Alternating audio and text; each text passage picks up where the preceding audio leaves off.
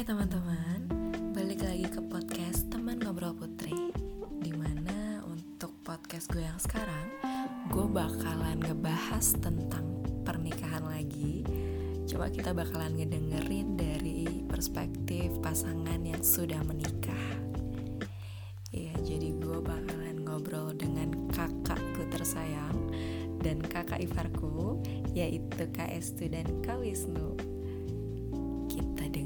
aja kali ya obrolannya. Jadi sekarang Peti udah bareng sama Kak Estu sama Kak Wisnu. Yeay. Gak usah disebutin namanya dong. Kenapa? Ditingit gitu nanti. Ih nyari-nyari gawean. Jadi sekarang kita mau lihat pandangan lain tentang pernikahan Dari sisi yang udah menikah Bisa Yeay. tepuk tangan. Si Kak Estu tuh berapa tahun sih? Lima tahun ya? Heeh. Udah lima tahun pernikahan. Baru lima tahun. Oh iya. Baru lima tahun. Baru lima tahun pernikahan. Tapi saya rasa baru menikah. Gulus ya ngomong lu Iya. Baru Ini ya baru manusia-manusia bucin Kalian udah menikah lima tahun pun masih bucin. Aku tidak sirik Tidak, tidak, tidak. Tidak salah lagi. Tidak salah lagi. Jadi kan kalau misalnya di podcast sebelumnya Oti sama teman-teman Oti kan ngomongin Kenapa sih umur 25 tuh kayaknya Cewek-cewek pada panik gitu buat cepet-cepet nikah. Heeh. Kalau Kais tuh dulu umur 25 emang mau nikah juga. Gue sebenarnya dari umur 23 itu udah uh, kayak punya target juga sih. Target pengen menikah di umur 25 gitu kan. Karena kalau misalnya dari hitung-hitungan gitu hitungan ya kalau hitung-hitungannya itu SMA lulus umur berapa kuliah itu lulus umur berapa terus dapat pekerjaan istilahnya mempunyai penghasilan itu di umur berapa sampai bisa nabung untuk menikah gitu kan. Jadi kalau misalnya dibilang umur tuh ya rata-rata kalau cewek tuh pasti mentoknya di 25 kepinginnya tujuannya cita-citanya di umur 25 dan bersyukurnya gue ya uh, menikah di umur 25 gitu ya. Ya gitu. iya gue dua 25 26 ya? 26 ya, sekitar ya 25 mau ke 26 lah. Waktu itu kan tuh sama Kak Wisnu teh dekatnya pas kapan sih? pas sebelum ke Purwakarta justru. Berarti Jadi, Kais tuh gua- umur berapa? umur Tiga. 23 ya umur 23 jadi umur 23 gue tuh satu kantor sama dia. Tapi kita kayak temen biasa aja gitu ya. Selama satu setengah sampai dua tahun tuh kita biasa aja. Ngobrol pun enggak gitu ngobrol yang panjang enggak cuma sebatas hi juga. Karena satu kantor. satu kantor dan Ya maksudnya jadi rekan-rekan kerja kan iya jatuhnya. rekan kerja sedangkan gue kayak dulu tuh nggak mau punya pacar yang satu lingkungan gitu kan. Takut nanti kalau putus tuh nggak enak gitu kan hubungannya jadi gue ya biasa aja gitu sampai akhirnya pas yang gue dimutasi ke, Mur- ke Purwakarta baru mungkin di situ muncul dan itu juga hasil Kak Wisnu muncul. maksudnya dia mulai uh, maju tadinya dia diam di tempat gitu kan hanya memandangku gitu kan. Yes ya. nyecengin selama beberapa tahun doang tapi nggak berani gerak gitu kan. Ya gitulah awal mulanya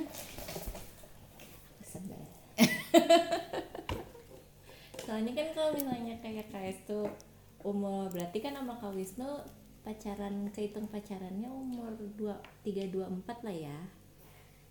pokoknya nggak sih? ki- kita tuh pen PDKT cuma Bentar. sebulan nih dua bulan dua bulan PDKT dua bulan pacaran hampir dua tahun sih untuk em, meyakinkan diri gua buat eh, oke gua mau nikah sama dia gitu. Waktu itu yang ngajak nikah siapa? Ceweknya cowoknya? eh cowoknya lah. Kan suka soalnya kalau sekarang cewek-cewek kalau udah umur 25 kayak was-was jadi udah pada minta nikah ke pasangan. Iya. jadi kamu serius nggak sih sama hubungan kita?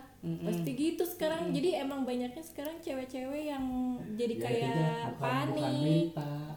Bukan minta minta kete- kejelasan iya jadinya minta kejelasan komitmen kan. Kalau prinsip gua nggak tahu sih ya orang lain, cuma kalau prinsip gua karena basic uh, kehidupan sebelumnya, maksudnya kehidupan orang tua gua seperti itu uh, pisah. Jadi gue berprinsip untuk wanita itu dicintai dulu baru wanita yang mencintai. Biar si istilahnya kita benar-benar menjaga dulu hati kita biar nggak disakitin dulu gitu loh. Ya semua orang kan berhak gitu untuk menjaga hatinya masing-masing gitu ya agar uh, nggak disakiti gitu sama orang lain gitu. Jadi kalau prinsip gue sih sebelumnya gue lebih milih dicintai dulu. Ketika gue yakin dia benar-benar cinta sama gue serius sama gue baru gue membuka hati gitu. Iya Uti juga gitu. Ya karena kan eh, karena posisinya ya namanya kalau pengalaman gua ya ketika gua yang mencintai duluan gitu ketika kita yang bucin Eh, eh, ketika kitanya yang bucin itu justru kita yang kecewa gitu karena, karena terlalu kita punya ekspektasi tinggi sama mereka terlalu berharap Iya. gitu kan Dan setelah menikah wanita itu kok di posisi yang paling lemah. Ya artinya bisa hak anak terus hak gonogeni kan belum jelas untuk saat ini undang secara undang-undang. Jadi kalau cerai itu ruginya ke cewek maksudnya. Oh iya iya iya. Dari segi undang-undang ya. Iya. Tapi kan waktu Kak Estu, eh pas Kak Wisnu ngajakin Kak Estu nikah juga kan Kak Estunya Ya, nggak kalau mau. nggak mau. dia tiga mau. dia tiga bulan pacaran udah jadi ngajakin nikah coba. Masa lagi makan adi ampera dia ngajak ya nikah yuk gitu coba gak ada romantis romantisnya kan nih cowok gitu kan. Enggak maksudnya kan berarti si- Uti juga kan dulu gitu kan. Hmm. Waktu pas dulu ada yang ngajak nikah juga kan Gue juga yang yang nggak mau nggak mauan gitu. Apakah Setidaknya gini apakah loh. alasan kita sama?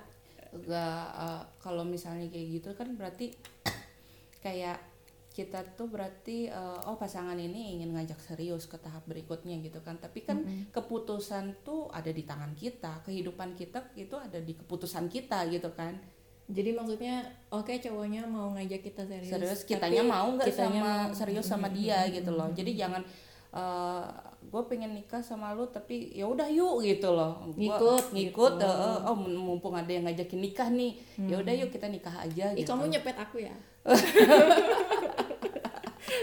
Gue nggak kayak gitu maksudnya ya cuma sebatas ada yang ngajak nikah berarti oh ya udah berarti dia pengen serius gitu hubungannya sama gue nggak yang main-main gitu kan berarti Iya. di situlah mulai checklistan berlangsung gitu Oke kan oke. Jadi nggak gara-gara eh, oke ceweknya udah udah serius sama gue ya udah ayo Iya, gitu. sekarang, Nggak gitu. Sekarang gini loh, per- apa sih logikanya ya? Kalau misalnya si cowoknya aja nggak ngajakin serius gitu kan, ke tahap berikutnya masa ya kita keluarin checklistan checklistan gue kan ya ya nggak pantas juga. Sedangkan checklistan itu untuk seseorang yang emang mau serius sama kita gitu loh. Checklistan itu maksudnya check checklistan syarat Heeh. untuk oke nih kayaknya dia buat gue nikahin gitu kali ya. Mm-mm. Gue ngetes dia tuh hampir 2 tahun. Ya dua tahun kurang sih dari pas dia ngajak nikah itu satu setengah tahun lah. Gue selama satu setengah tahun tuh Ngelihat gimana orangnya. ya ya apalagi dia kan hampir tiap hari selalu ngapelin ke rumah gua kan ya karena dia terlalu cinta kayaknya sama gua Oke, gak usah diperjelas. Aku benci. iya jadi dia tiap hari dia ngapelin pulang kantor pasti ke rumah gitu kan ya pasti pas kita lagi bareng tuh pasti ada lah pasti nggak mungkin cuma diem-dieman main HP atau apa gitu pasti ada obrolan-obrolan entah obrolan kegiatan dia sehari-hari ngapain aja ada masalah apa gitu kan gue juga seperti apa kayak gitu keseharian gue di sharing nah di selip selipin lah itu checklistan checklistan itu gitu kan tadinya juga gue sebenarnya takut untuk menikah gitu kan Nah itu kenapa KS tuh takut menikah? Karena problemnya Uti sama KS tuh berarti sama. iya Berarti bukan Uti yang gak normal. Yes, Uti punya temen. Ka- kayaknya hampir semua anak yang dari latar belakang broken home itu pasti takut untuk menikah karena ngeliat gimana sih real apa sih kejadian di depan mata sendiri gitu kayak gimana gitu kan. Merasakan sendiri. Gimana sih rasanya ketika uh, kita ditinggal sama pasangan kita diperlakukan kasar sama pasangan misalnya gitu kan. Diperlakukan kasar atau misalnya yang namanya anak pasti ngeliat lah uh, contoh depan mata tuh ya orang tua sendiri gitu kan. Ya pasti ada ketakutan secara psikisnya pasti ada ketakutan untuk secara menikah. tidak langsung ke kitanya jadi trauma Eh, gitu nggak sih? trauma jatuhnya psikisnya itu traumanya tuh ya takut untuk menikah gitu. Karena takut pisah. Eh, eh, karena takut kejadian yang dialami oleh orang tua kita tuh ke- terjadi ke diri kita gitu kan Iya. nggak mau kejadian itu yang wah ternyata waktu pas pisah tuh sakit banget atau gimana gitu kan Mm-mm. ya kita jadi kayak trauma gue nggak mau kayak gitu gitu loh jadi ada ketakutan untuk menikah jatuhnya Mm-mm. tapi emang dulu sih gue pengen nikah itu setelah checklistan checklistan selain checklistan checklistan gue itu eh gue juga kayak pengen apa ya kayak pengen gue kayak terlalu lelah gitu loh sama hidup gue gitu. Terlalu kayak gue topang sendiri semuanya capek. Ada ada satu titik gue capek buat eh, topang sendiri gitu loh. Jadi butuh seseorang yang emang nemenin gue. Apalagi namanya hidup itu kan pasti ada aja naik turunnya gitu kan. Ada aja masalahnya. Kalau misalnya lu hadapin sendiri ya ya berat gitu kan. Harus ada seseorang yang yang bangkitin lu gitu yang nopang lu gitu yang lindungin lu gitu kan. Tapi ya itu juga masuk ke checklistan gua apakah nanti suami gua bisa seperti itu apa enggak gitu. Enggak cuma berarti kalau balik lagi ke checklistannya KS tuh ya ini checklistan checklistan udah berasa ujian. Apa? Iya. UMBTN Kak Wisnu di di tes tes gitu makanya jadi kalau checklistan terbesar maksudnya eh, utama lah checklistan utama KS itu kan yang asalnya kita punya 100 checklistan buat pasangan kita lama kelamaan itu bakalan nyusut jadi cuma 10 doang sebenarnya checklistan yang terpenting untuk pasangan kita misalnya. Nah itu tuh yang paling yang paling penting buat KS itu atau paling krusial buat KS itu tuh apa? Hmm, banyak sih sebenarnya tapi intinya ya intinya tuh dia nggak ada apa ya namanya yang nggak ada hasrat untuk selingkuh. Nggak ada hasrat untuk selingkuh. Mm-mm. dilihat dari? Dari pengorbanan dia tanggung jawabnya dia meyakinkannya dia ke gua. Dari gerak gerik laki-laki juga terlihat sebenarnya jatuh lagi ke insting perempuan juga ya. Iya, insting perempuan ya. Ya justru itu karena insting perempuan lebih peka. Jadi kalau misalnya laki-laki ngelakuin apa menurut mereka ya biasa aja kita langsung bisa oh dia orangnya kayak gini gitu kan. Karena insting wanita emang rata-rata kan emang lebih kuat daripada laki-laki. Hmm. Kayak gitu. Yang pertama itu dia nggak ada hasrat untuk selingkuh karena dia lebih tertarik sama babi daripada wanita. ya Allah istilahnya kalau gua dampingin ya babi guling sama wanita seksi dia lebih pilih babi guling. Menurut dia babi guling tuh lebih seksi. Baik. Terus yang kedua dia nggak mungkin KDRT nggak mungkin KDRT sama gua. Terus yang ketiga fisik. Fisik. Mm-mm. maksudnya yang namanya kita hidup itu fisik pasti berubah ya. Oh oke. Em, tambah tua pasti tambah banyak kerutan gitu kan. Eh, terus kalau udah ngelahirin lebih gemuk gitu kan lo masih mau terima nggak dengan fisik gue seperti ini? Lo masih ngelihat gue secara physically apa emang lo lihat guanya gitu loh bukan fisik gua gitu loh. Walaupun sebenarnya penting kan fisik tapi ya eh, lebih ke fisik tuh kalau dari hasil apa sih ya selama perjalanan gua menikah sama dia tuh kayak fisik tuh kayak guanya sendiri yang insecure sama diri gua gitu dianya sih ya enggak gitu loh jadi lebih ke kitanya yang eh. masalah bukan pasangannya Eh, eh. kalau misalnya gua sih jadi masalah dia kalau misalnya nanti uh, secara fisik guanya berubah dia bakalan masih sama gua apa enggak gitu balik lagi sih ke dia ada hasrat untuk selingkuh apa enggak sih balik lagi ke situ sih karena sebenarnya. kalau ada hasrat untuk selingkuh pasti dia merasa tidak puas dengan pasangan yang Uh-uh. sekarang kan Heeh. Nah, terus yang keempat itu masalah anak Mm-mm. ya kan masalah anak tuh karena dari dulu emang gua secara menstruasi itu gak lancar ya Mm-mm. jadi uh, di samping gue menstruasi nggak lancar jadi kayak ada uh, ketakutan uh, gue bakalan bisa punya anak apa enggak gitu kan. Karena kan pada umumnya mungkin setiap laki-laki ditanya setiap pendapat laki-laki kenapa sih nikah turunan? Mm-mm. mempunyai keturunan. Heeh, keturunan gitu. Nah terus udah kayak gitu uh, yang kelimanya apalagi ya yang oh dia masih mau nerima semua kekurangan gua nggak gitu dari temperamennya gua gitu kan Eh, ketidaksabaran gua bawelnya gua cerewetnya gua terus mudinya gua gitu kan. Uti jadi adik aja nyerah sama Kak Wisnu makanya Kak Wisnu tuh wah. Iya karena gue tahu gue tuh sebenarnya punya masalah mental. iya emang emang banget iya gue gue sadar kalau gue tuh sebenarnya punya masalah mental. Cuma gue nggak tahu cara ngatasinnya Iya, seperti iya, apa iya, gitu. Makanya gue butuh seseorang ini yang bisa nggak ngadepin gue gitu loh. istilahnya jadi kayak tuas kontrol Kak Wisnu lah ya Mm-mm. Terus reaksinya dia seperti apa ketika gue kambuh gitu. Hmm. Kayak gitu. Lima sih jadinya jatuhnya. Terus waktu itu ya kebetulan sih bukan kebetulan ya emang dulu tuh kita beda agama. Hmm. Ya kan?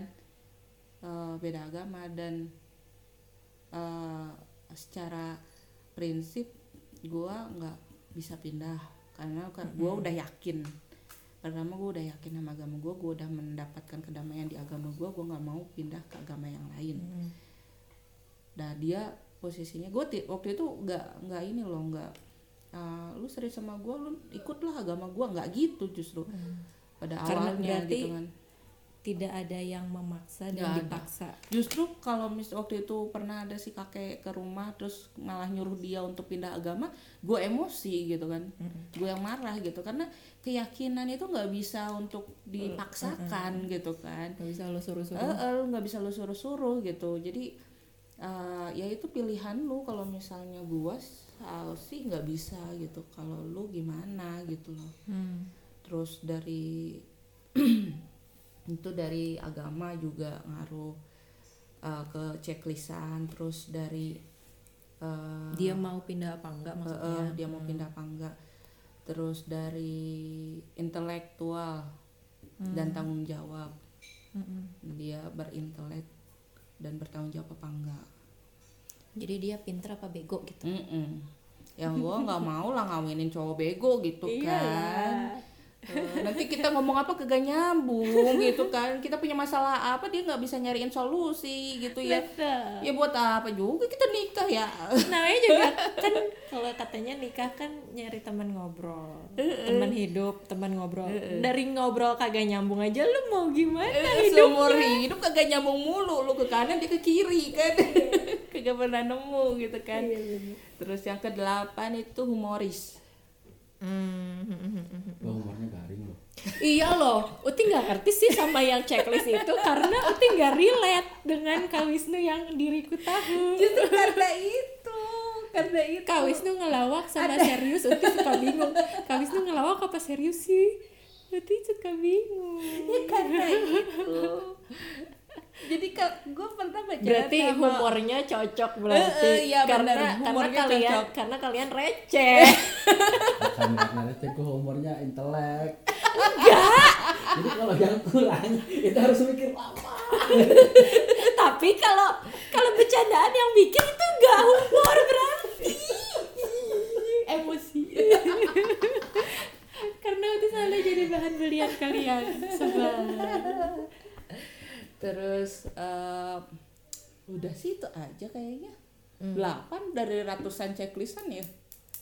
Padahal dulunya gue pengen cowok Iya, tinggi physically banget gitu terus kan. kacamata Iya, bener, rapi, putih. putih. Padahal yang mapan. datang ya.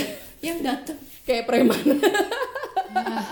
Itu lo kalau misalnya tahu vokalis vokalis rocker kebayang gak sih? Rambut gondrong. Gondrong. Mending gondrongnya teh yang rapih geningnya. Ini mah sat setengah muka kagak kelihatan. Ketutupan sama rambut sama brewok sama kumis. Udahlah pokoknya pokoknya bertolak belakang banget Iya. sama sama checklistan jauh. jadi sebenarnya pasti ada pertama-pertama kita punya checklistan fisik lah pasti. Mm-mm. cuma jadinya jauh apa? Semakin bertambahnya usia tuh kita bukan Semakin- nyari yang iya. yang ganteng yang cantik tapi lebih ke nyaman apa enggak. Hmm, hmm, hmm, hmm. ya kan? Karena yang gantik dan ganteng dan cantik. Ganti ganti apa? Ganti iya itu kan ganteng dan cantik emang Enggak, ganteng dan cantik. Oke, itu oke, belum oke. tentu bikin kita nyaman. Eh, Gitu. malah kadang kalau misalnya kita nyari yang ganteng malah kitanya yang insecure karena takut dia ada yang ngeceng takut nanti dia gimana gitu kan. Ya nggak sih kalau fisik? Jadi kalau sini ke sininya sih. Ganteng enggak mapan enggak ganteng enggak mapan enggak kok gue mau ya malu ya? Biar tahu saldo gua satu ribu. Iya bener. Nah ini. Banyak orang yang kayak misalnya di podcast sebelumnya kan utama teman Uti. Teman Uti ada yang yang penting mapan. Mm-mm. ya kan? Kalau bisa kalau bisa mapan. Mm-mm. itu kenapa Kak Es tuh mau sama Kak Wisnu padahal dia nggak mapan? Belum. I, waktu itu kan. Iya belum mapan itu. Emang belum istilahnya mapan. "Eh-eh," gitu. Kok mau? Padahal kan banyaknya cewek pasti ngejarnya sama cowok-cowok yang penghasilan tetap terus udah punya apa pokoknya misalnya gitu gitulah pokoknya. Ya itu kenapa mau sama Kak Wisnu kayak gitu? Jadi kasihan ya udah sama Kak Wisnu maafin ya. Karena gue kayak hmm, gue pernah punya pacar yang mapan. Kau tinggal tak yang mana ya Eh, mantan mantannya banyak mantan gue kan banyak Iya, Kais tuh playgirl. Kalau sekarang, kalau sekarang namanya fuck girl. Jadi playboynya cewek. Iya, gue pernah punya pacar yang mapan dan jatuhnya mereka hmm, punya ego. Hmm. Sedangkan gue termasuk wanita yang ego. Iya, iya, iya, iya. Gitu iya. kan. Berarti Kais tuh nggak boleh sama laki-laki yang lebih ego dari Kais. Iya, benar iya dong. Nanti berantem mulu. Iya kan. Terus eh, pernah punya pacar yang mapan itu, gue bayangin deh. Logikanya ya, Hmm. di umur 25 sampai 30 dia sudah memiliki rumah, mobil, pekerjaan tetap. Itu pasti utang. Oke, Iya kredit. kan? Kredit. Sedangkan gua menghindari kredit. Iya, kita kayaknya satu keluarga mengurangi kredit deh. Karena kalau misalnya mau menurut, ngambil barang. menurut gua itu kalau kredit itu hidup lu nggak akan tenang.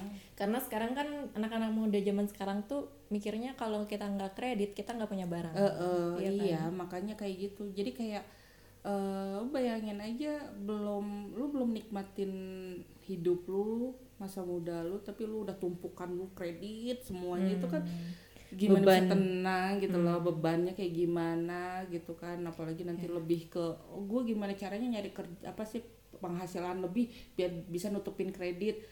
Lah gue nanti di rumah ngapain gitu kan? Ya gue cuma gigit jari doang. Ya gue juga kerja tapi kita kayak mengejar apa sih mengejar uh, penghasilan untuk menutupi kredit. Sedangkan gue sih maunya gue menikah tuh ya ya menikmati gitu setiap detiknya gitu kan setiap harinya ya gue nikmatin nggak yang dikejar-kejar hutang gitu loh Iya, iya, iya. iya. Gitu. Ya jadi nggak apa-apa lah ya. Terus udah kayak gitu nggak kayak- mapan yang penting nggak punya kreditan. ya ya pernah karena itu masuk ke checklistan dia termasuk orang yang intelek dan bertanggung jawab Hmm. ya kan kalau misalnya dia masuk intelek dan bertanggung jawab dia nggak mungkin bikin gue susah ya kan? Minimal nggak bikin gue susah gitu. Kalaupun misalnya bikin gue susah ya gue masih bisa kerja sendiri gitu loh. Gue masih bisa kerja yang menghasilkan ya udah uh, ya karena posisinya kan ya hidup kayak, kayak tadi gue bilang hidup naik turun gitu. Kadang dia punya penghasilan kadang enggak gitu kan. Kadang masih kerja kadang enggak gitu kan. Tapi kan posisinya uh, gue juga punya penghasilan ya kita share gitu kan. Toh juga orang nggak selamanya di bawah pasti bakalan naik lagi tergantung dia memiliki intelek dan tanggung jawab. Kalau dia memiliki intelek dan tanggung jawab dia nggak akan diem di posisi terendah. Pasti dia akan berusaha untuk naik gitu. Gue sih Berarti- logikanya ke situ. Berarti kalau misalnya masalah finansial istilahnya mah, Mm-mm. eh, karena KS-nya juga bekerja dan KS-nya juga nggak nggak apa namanya? Gaji gue nggak kecil-kecil amat Iya. gitu. Kok sombong pada intinya kan gitu ketika orang punya kredit misalnya kredit rumah 15 tahun. Lu masih kerja. Masih kerja 15 tahun. Kreditan lu rumah 15 tahun ya. Hah. Nah, selama 15 tahun artinya pekerjaan lu harus tetap. langgeng di Iya, situ dan iya, penghasilan iya, harus benar. tingkat apa lu nggak stres 15 tahun? Cicilan kebayang kalau misalnya tiba-tiba di cut hmm. nah kan pusing gue. Gitu Iya pasti kan? apa itu tidak memicu eh, keributan dalam rumah tangga? Betul. Iya kan? Ya kalau mentalnya bagus. Kalau KDRT hmm. ya itu kan masuk ke checklistan dia KDD, KDRT apa tidak ya ya ya Ya kan? berarti lebih ke gini kan kadang cewek-cewek tuh kenapa sih pengen nyari yang mapan mungkin karena mereka nggak mau hidup susah Iya, pertama nggak mau hidup susah, kedua pengen mungkin nggak nggak mau jadi wanita karir mungkin, jadi pengen pengennya ibu rumah tangga. ibu rumah tangga. Kalau misalnya kayak KS tuh kan karena ya udah nggak apa-apa nggak mapan karena gue juga berpenghasilan, jadi kalaupun emang suami gue nya Gua nggak tipe- nggak ini ya udah gue juga masih bisa wanita gitu. kan. mandiri. Lu tau gak sih dia pernah ada obrolan? Udah sih ntar kalau nikah udah punya anak lu berhenti aja kerja. Tau nggak jawabannya dia apa? Apa? boleh silahkan tapi lu gantiin uang sekolah gue dari TK sampai kuliah. Apa gue nggak pingsan iya dong. Modal gua tuh udah miliaran kalau dihitung itu bener bener. Rugi ya kita sekolah. Terus lu di rumah cuma ngurusin anak sama bersih bersih ya lu tinggal panggil pembantu sih gitu kan. kalau nggak bisa juga ya udah tiap minggu kita bersihin bareng-bareng kan gitu. Akankah lebih bahagia ketika kita memulai dari memulai itu bareng? Tek gitu bareng semuanya. Jadi ketika nanti kalau misalnya ada masalah ada problem ya ini semuanya tuh bareng-bareng gitu. Jadi nggak ada kayak misalnya metamit kalau misalnya ada yang udah dia punya udah punya rumah udah punya mobil gitu kan terus ribut gitu lu keluar dari rumah ini rumah gua lu mau apa? Gitu kan ya. Ah, iya benar. ya kan itu egonya laki-laki kan juga tinggi ya kan. Terus uh, lu udah gua kasih apa sih namanya uh, duit bulanan uh, lu pakai apa aja? Karena di- dia di belakangnya itu kayak ada untuk bayar hutang gitu kan. Itu kan sebenarnya hutang tuh kayak bikin keributan dalam rumah tangga kalau menurut gua ya. Iya. Gitu. Jadi gua benar-benar menghindari untuk hutang. Jadi nggak apa-apa nggak punya barang, yang penting nggak berutang. eh eh dan nggak apa-apa nggak punya barang asal bahagia. Hmm. lu apa sih yang lu kejar gitu loh? Hanya untuk gengsi atau komentar netizen gitu kan? Hanya untuk karena orang-orang punya rumah jadi gua harus punya rumah. Karena ru- orang-orang punya mobil jadi gua harus punya mobil. Iya hidup tanpa hutang tuh ya menyenangkan. Tapi apalagi hobi satu hobi kita sama makan. Iya makan dan traveling. Hmm. iya hobi. Itu masuk checklistan juga sih sebenarnya. Hobi lu ke mana? Iya kan? Mm-mm. maksudnya biar biar kitanya juga jadi enak gitu ngejalanin hobinya bareng-bareng gitu kan? iya benar jadi sembilan checklistan gua. Jujur uti udah lupa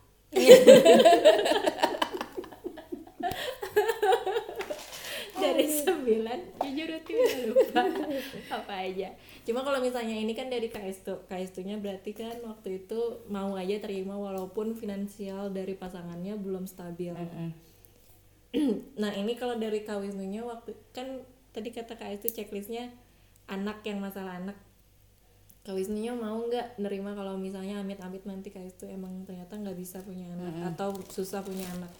Nah itu waktu itu Kak Wisnu mau mau ngeiyain ya udah nggak apa-apa gue nggak masalah nggak punya anak." gitu gimana? Kalau masalah anak sih apa ya? Ya menurut gua adil nggak sih kalau misalnya ketika lu menikahi seorang wanita dan wanita itu nggak punya keturunan susah untuk punya keturunan dan lu tinggalin adil nggak? Enggak lah kan jahat. Iya. Gentleman. Hmm. oh ya Ketika- sepuluh checklistan dia gentleman apa ya enggak? Udah udah udah udah. Sebenarnya KS itu nggak ada checklistan pasti. Cuma ini gara-gara makin kayak makin lama nanti jadinya 20 checklistannya. Gue kesambil inget-inget tuh Iya, iya, lima iya. tahun yang lalu. Arasa tiga ta- tujuh tahun yang lalu deng nah itu masalah keturunan itu kan bukan kita yang menentukan. Kan? Hmm. Ya, kalau misalnya kita menentukan nggak punya keturunan dia cloning. Emang Hmm. murah tapi tabung memang murah daripada buat biaya bayi tabung sih menurut gua mending untuk biaya hidup yang lain Hmm. bisa lebih bahagia bukan bagi lebih bahagia ya Kalau tujuannya hanya Tujuannya? menikah, lu istilahnya menghalalkan berbagai macam cara untuk bisa menghasilkan keturunan. Hmm. Apa pun caranya gitu kan. Kalau tujuannya untuk untuk memiliki kan anak. ada beberapa orang yang emang tujuannya untuk punya anak Dan itu kan kita nggak nyalahin ya maksudnya itu beda-beda Iya. kan. Tiap-tiap orang beda kebutuhan beda prioritas dan lain-lain.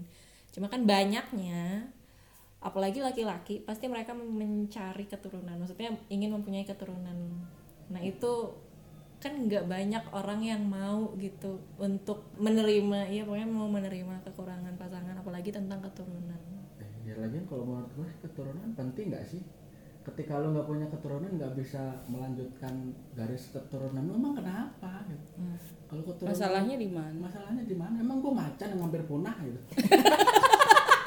Dan harus dilindungi kan enggak juga. Masih banyak manusia kok.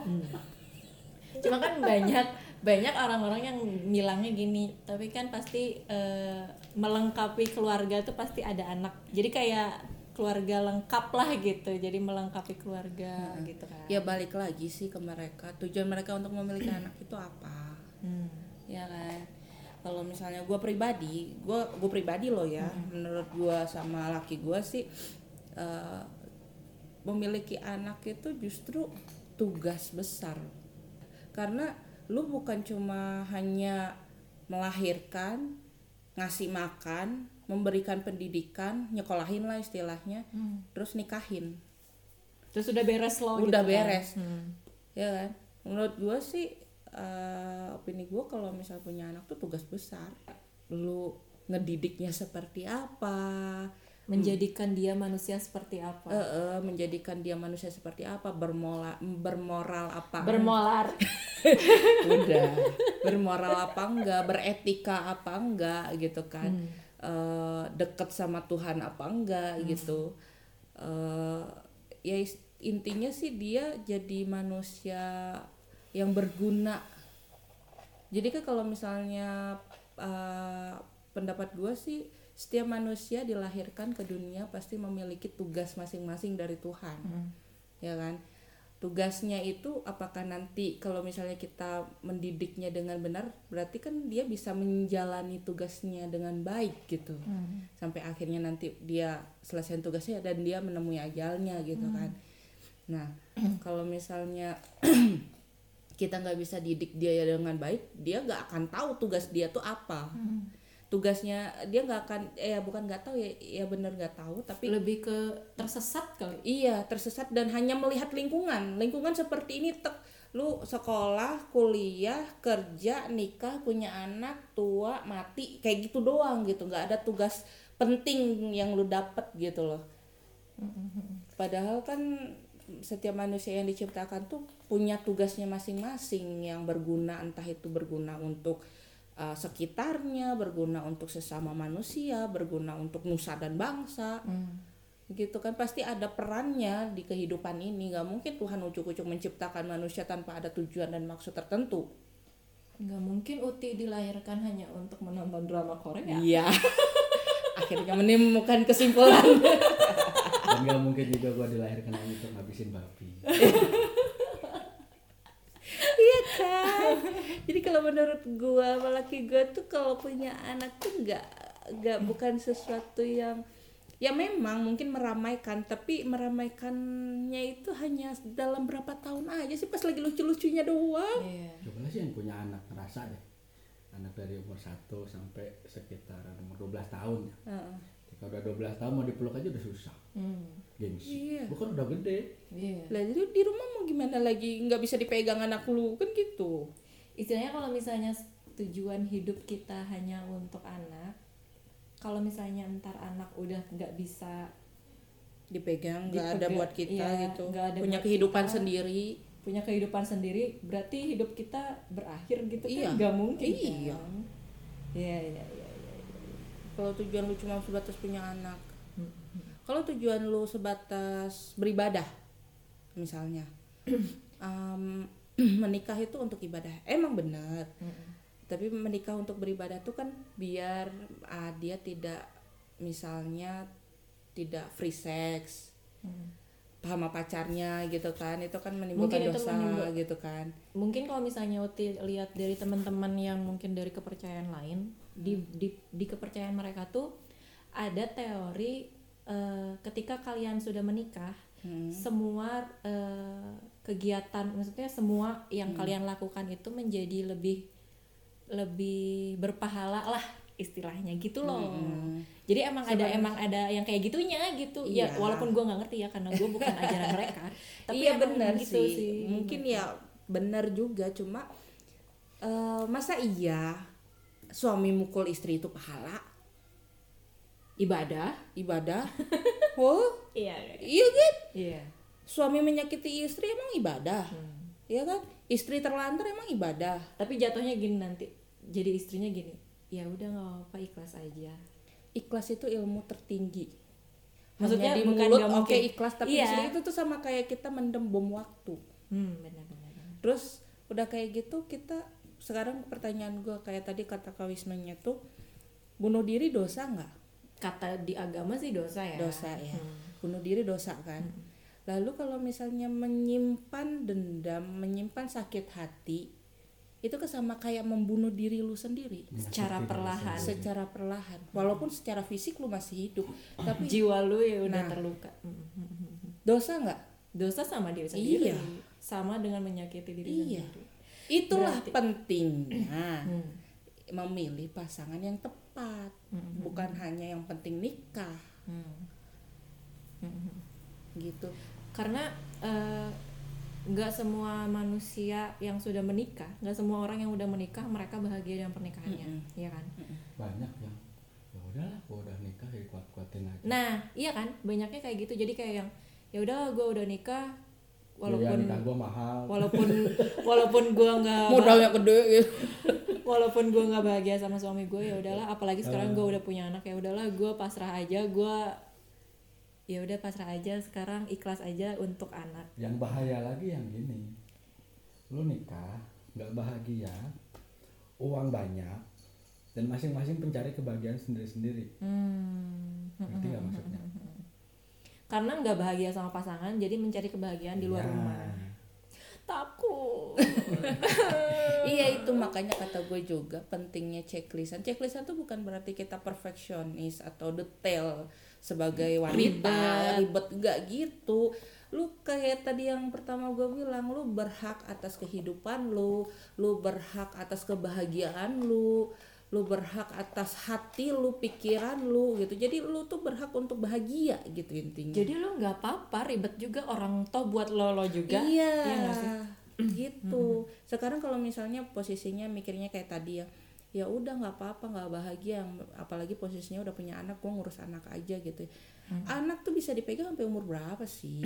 lah kalau anak udah misalnya mandiri, udah dia punya pasangan sendiri, menikah sendiri, terus lu gimana? Hmm. Hmm. Pertanyaannya. Orang anak lu aja udah pasti fokus sama keluarganya. Kalau lu nggak bahagia sama suami lu, siapa yang nemenin lu? Yang namanya anak-anak yang sudah menikah, dia akan lebih mengutamakan keluarga intinya apa keluarga orang tuanya. Hmm. Survei aja kalau dari hasil penelitian bukan penelitian analisa gua pasti lebih akan mementingkan keluarga intinya kayak istri, suami, anak. Karena mereka udah me- karena Punya mereka kehidupan udah sendiri. kehidupan sendiri. Sudah merasakan memiliki Punya- keluarga sendiri. punya tanggung jawabnya sendiri gitu. Jadi kalau misalnya anak tuh tugas besar sebenarnya. Jadi jangan mengandalkan anak untuk nanti pas udah tua eh, bakalan nemenin lu, pas udah tua bakalan ngurus lu gitu loh. Tapi Kan- balik lagi ke si anak sih sebenarnya Iya tergantung anaknya, bisa aja tergantung anak dan gimana pendidikan orang tuanya sih. bisa aja emang si anaknya ingin menjadi anak yang berbakti jadinya Iya, jadinya mau iya untuk- maksud jadi emang loh. bukan bukan dari orang tuanya untuk Uh-uh. menuntut tapi emang dari keinginan si Iya. anaknya untuk emang Tapi- mau berbakti pasti walaupun anaknya berbakti pasti dia lebih mementingkan uh, tanggung jawab dia ke keluarga intinya dulu keluarga intinya sudah terpenuhi baru dia ngasih ke orang tuanya. Nggak ada ceritanya gaji dia kasihin ke orang tuanya tapi anak istrinya Hmm. kelaparan atau nggak sekolah. Iya kan? Ya jadi prioritasnya udah beda lah. prioritasnya udah beda. Gitu. Jadi jangan kalau gua pribadi sih nggak kayak kasihan aja gitu sama anaknya kalau misalnya dibebani. Udah udah dilahirkan hanya untuk dibebankan seperti itu gitu loh. Dibe- dibebankan untuk ngurusin gue pas gue tua gitu kan. Kayak kasihan aja ke anaknya padahal tugas anak diciptakan ke dunia tuh nggak mm, ya mungkin ada beberapa yang bukan tugasnya sih itu lebih ke berbaktinya dia ke orang Iya, tua berbakti. gitu kan. Kayak rasa terima kasih karena sudah merawatku dengan baik gitu kan. Hmm. Ya tapi kan kasihan juga kalau misalnya dibebankan seperti itu si anaknya jadi kayak ya itu gimana harusnya gimana anaknya aja kalau emang dia ngerasa uh, pengen berbakti sama orang tuanya ya kita tanpa nggak usah harus memaksa, memaksa. orang tuanya, anaknya Iya. pun sudah akan men- menyadari gitu kan nah di situ makanya gue kan kayak harusnya kalau misalnya orang tua kayak gitu tuh mereka lebih prefer oh ya masa tua gue gue nggak mau uh, ngerepotin atau nggak mau membebankan anak gue ya gue harus menyiapkan modal untuk masa tua gue gitu Hmm. loh Mm-mm. dan akan lebih indah ketika lu memiliki pasangan sampai tua dan lu masih kayak pacaran aja sama orang tua sama Bayang pas- pasangan lu Udah gitu kakek kakek udah keriput nanti lu jalan udah bongkok gitu masih ngopi bareng di rumah di teras gitu. Ya itu kan? idaman semua orang sih. Iya, justru ya karena punya idaman seperti itu, punya mimpi seperti itu lu wujudin lah dengan cara memilih pasangan yang benar.